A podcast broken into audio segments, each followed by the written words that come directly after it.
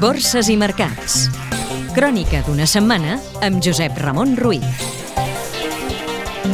En el centre de la crisi del deute sobirà a Europa, amb la prima de risc espanyola escalant fins a màxims i enmig de la tempesta per la nacionalització de Bànquia, que ha desfermat la desconfiança en la banca espanyola i també en el Banc d'Espanya, la borsa ha operat aquesta setmana en zona de mínims de 2003. Cinc dies moguts després de la victòria de François Hollande a França, de la incertesa política a Grècia i enmig del repte de llançar un pla Marshall europeu compatible amb les polítiques d'austeritat i de la recerca de millorar la competitivitat dels als països perifèrics europeus després que el Bundesbank sembla que ha acceptat que hi hagi més inflació.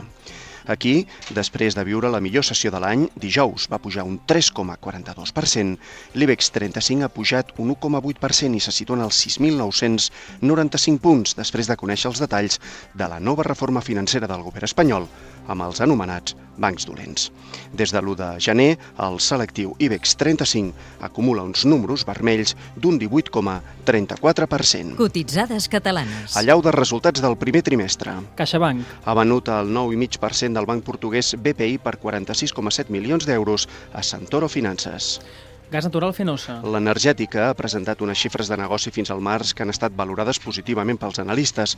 Ha obtingut uns beneficis de 407 milions d'euros, un 5% més respecte al primer trimestre de l'any passat. Catalana Occidente. L'asseguradora ha pagat un dividend complementari dels resultats de l'exercici de 2011 de 0,239 euros bruts per acció. El Mirall.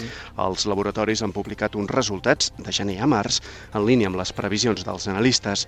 Ha guanyat 18 milions d'euros, un 40% menys respecte al mateix període de 2011. Fluidra. De gener a març ha obtingut uns beneficis d'1,3 milions d'euros, un 40% més respecte al mateix període de l'any anterior. Welling. En el primer trimestre, l'aerolínia ha registrat unes pèrdues de 16 milions i mig d'euros, un 29% menys respecte als números vermells de l'exercici passat.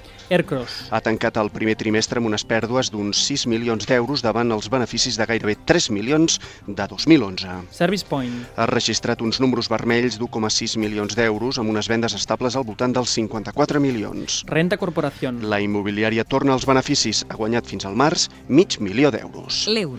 La debilitat de l'economia europea i la incertesa política a Grècia ha depreciat la cotització de la moneda única respecte de la divisa nord-americana. Aquest divendres el Banc Central Europeu n'ha fixat el seu canvi oficial a 1,29, 44 dòlars. El patrón. El preu del barril de cru tipus Brent, el de referència a Europa, s'ha baratit al voltant dels 112 dòlars de mitjana per les expectatives d'una dèbil demanda mundial fruit de la difícil situació econòmica europea. Vocabulari financer.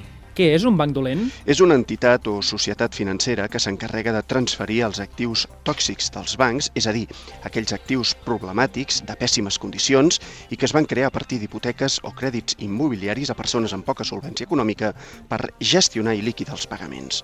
Un banc dolent fa, doncs, una neteja dels actius immobiliaris del balanç d'una entitat financera.